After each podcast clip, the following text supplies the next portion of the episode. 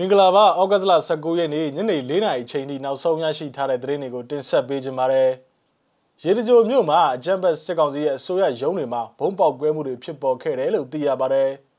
။ PDF စစ်တပ်တူကပြည်သူထံကိုစစ်ထွက်စကားတခွန်းလက်ဆောင်ပါလိုက်ပါတယ်။မင်းတပ်မြို့မှာအကြံဘက်စစ်ကောင်စီတပ်ဖွဲ့ဝင်တွေကစံတယူခွင့်ကိုကန့်တက်လိုက်တာကြောင့်စံပြက်လက်နေတယ်လို့ဒေသခံတွေကပြောဆိုနေပါတယ်။စတဲ့သတင်းကြောင်းရတွေကိုသတင်းထောက်ကျွန်တော်ထုံထုံဝင်းကတင်ဆက်ပေးကြပါမယ်။ ပထမဆုံးအနေနဲ့တင်ဆက်ပေးခြင်းတဲ့သတင်းကတော့ရေစကြိုမြို့မှာဂျမ်ဘတ်စစ်ကောင်စီရဲ့အစိုးရရုံးနဲ့ရဲစခန်းတွေမှာဒီကနေ့ဩဂတ်လ19ရက်နေ့နေ့နပိုင်းချိန်ကဘုံသုံးလုံးပောက်ကွဲမှုဖြစ်ပွားခဲ့တယ်လို့ဒေသခံတွေကပြောဆိုနေပါတယ်။စုပေါင်းရုံးဟုခေါ်သည့်မြို့နယ်အုပ်ချုပ်ရေးများဝင်းတွင်မှာဒီကနေ့နနက်9:50မိနစ်50ချိန်ခန့်က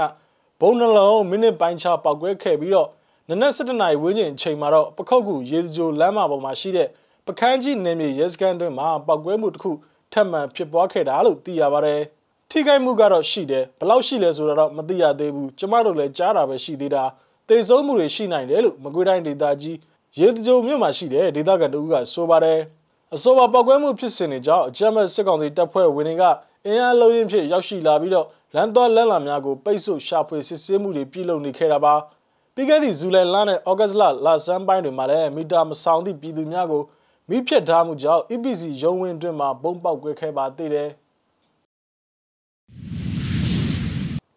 ဆက်လက်ပြီးတင်ဆက်ပေးခြင်းတဲ့သတင်းကတော့အာနာရှင်စနစ်တော်လန်ရေးနေပြည်သူ့ကာကွယ်ကွန်ရက် DRPD ရဲ့တပ်ဖွဲ့အတွင်းကစစ်သည်တို့က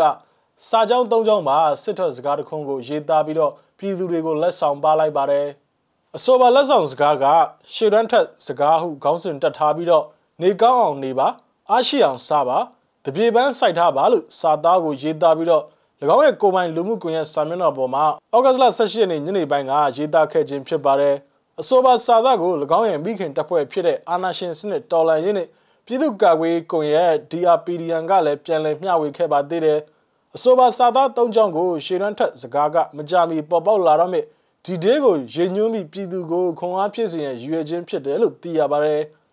အာနာရှင်စနစ်တော်လှန်ရေးနှင့်ပြည်သူ့ကာကွယ်ရေးကွန်ရက် DRPDN ကိုထိုင်းမြန်မာနယ်စပ်တနေရာမှာအခြေစိုက်ထားပြီးတော့ဆိုပါဖွဲ့ကစစ်ပညာသင်ကြားပေးနေသည့်ပြည်သူ့ကာကွယ်တပ်ဖွဲ့တစ်ခုလည်းဖြစ်ပါတယ်နောက်ထပ်တင်ဆက်ပေးခြင်းတဲ့သတင်းကတော့ချင်းပြည်နယ်မင်းတပ်မြို့မှာအကြမ်းဖက်စစ်ကောင်စီတပ်ဖွဲ့ဝင်တွေကစံတည်ယူခွင့်ကိုကန့်သက်ထားပြီးတော့တခြားမြို့များမှာစံတည်ယူမီဆိုပါကလူတယောက်အတွက်စံဆဲပြီးသားတည်ယူခွင့်ပြုကြောင်းကိုဒေသခံတွေကပြောဆိုနေပါတယ်။ ဝင်ထွက်ဂိတ်တွေမှာအခုအရန်စစ်ဆေးနေတယ်ပြီးတော့ဖုန်းတွေလည်းစစ်တယ်ဖမ်းတာတွေလည်းနှိမ့်စင်စက်တိုက်ဖြစ်ပေါ်နေတယ်လက်ရှိမင်းတပ်ထဲမှာစံနဲ့73စီတွေပြက်လက်နေတယ်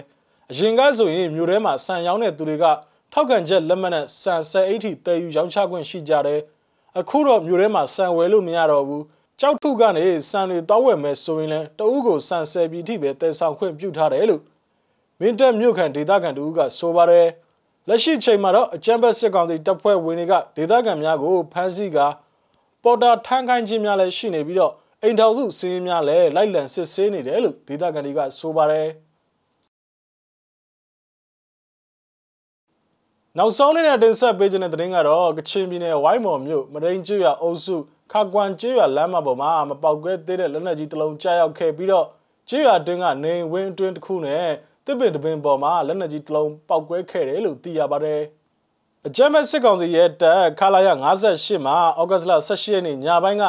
ဝိုင်းမော်မြို့ကိုလက်နက်ကြီးတွေနဲ့ပစ်ခတ်ခဲ့တာပါ။လက်နက်ကြီးအစနာများကြောင့်နေမီးဖို့ကြောင့်ခေါင်မိုးနဲ့ပစ္စည်းချုပ်ထိခိုက်ပျက်စီးခဲ့ကြောင်းကိုဒေသခံတို့ကိုကိုကာပြီးတော့ဒေသအခြေစိုက် The 74 Media ကဖော်ပြထားပါတယ်။ခါကွမ်ရက်ကွက်ကနေဝင်းထဲကတစ်ပင်မှာလက်နက်ကြီးထိပြီးကွဲပြီးဆင်လာတဲ့ဟာတွေမိဖို့ကြောင့်ခေါင်မိုးမှာကြတာ တစ်ပင်ဘေးကမိဖို့ကြောင့်မအိတ်နေတဲ့မိသားစုတွေကံကောင်းလို့မထိသွားကြတာလို့အဆိုပါဒေသခံကဆိုပါတယ်ဒါအပြင်ရွာလမ်းမပေါ်မှာလည်းမပေါက်ကွဲသေးတဲ့လက်နက်ကြီးတစ်လုံးကြားထားတယ်လို့သိရပါတယ်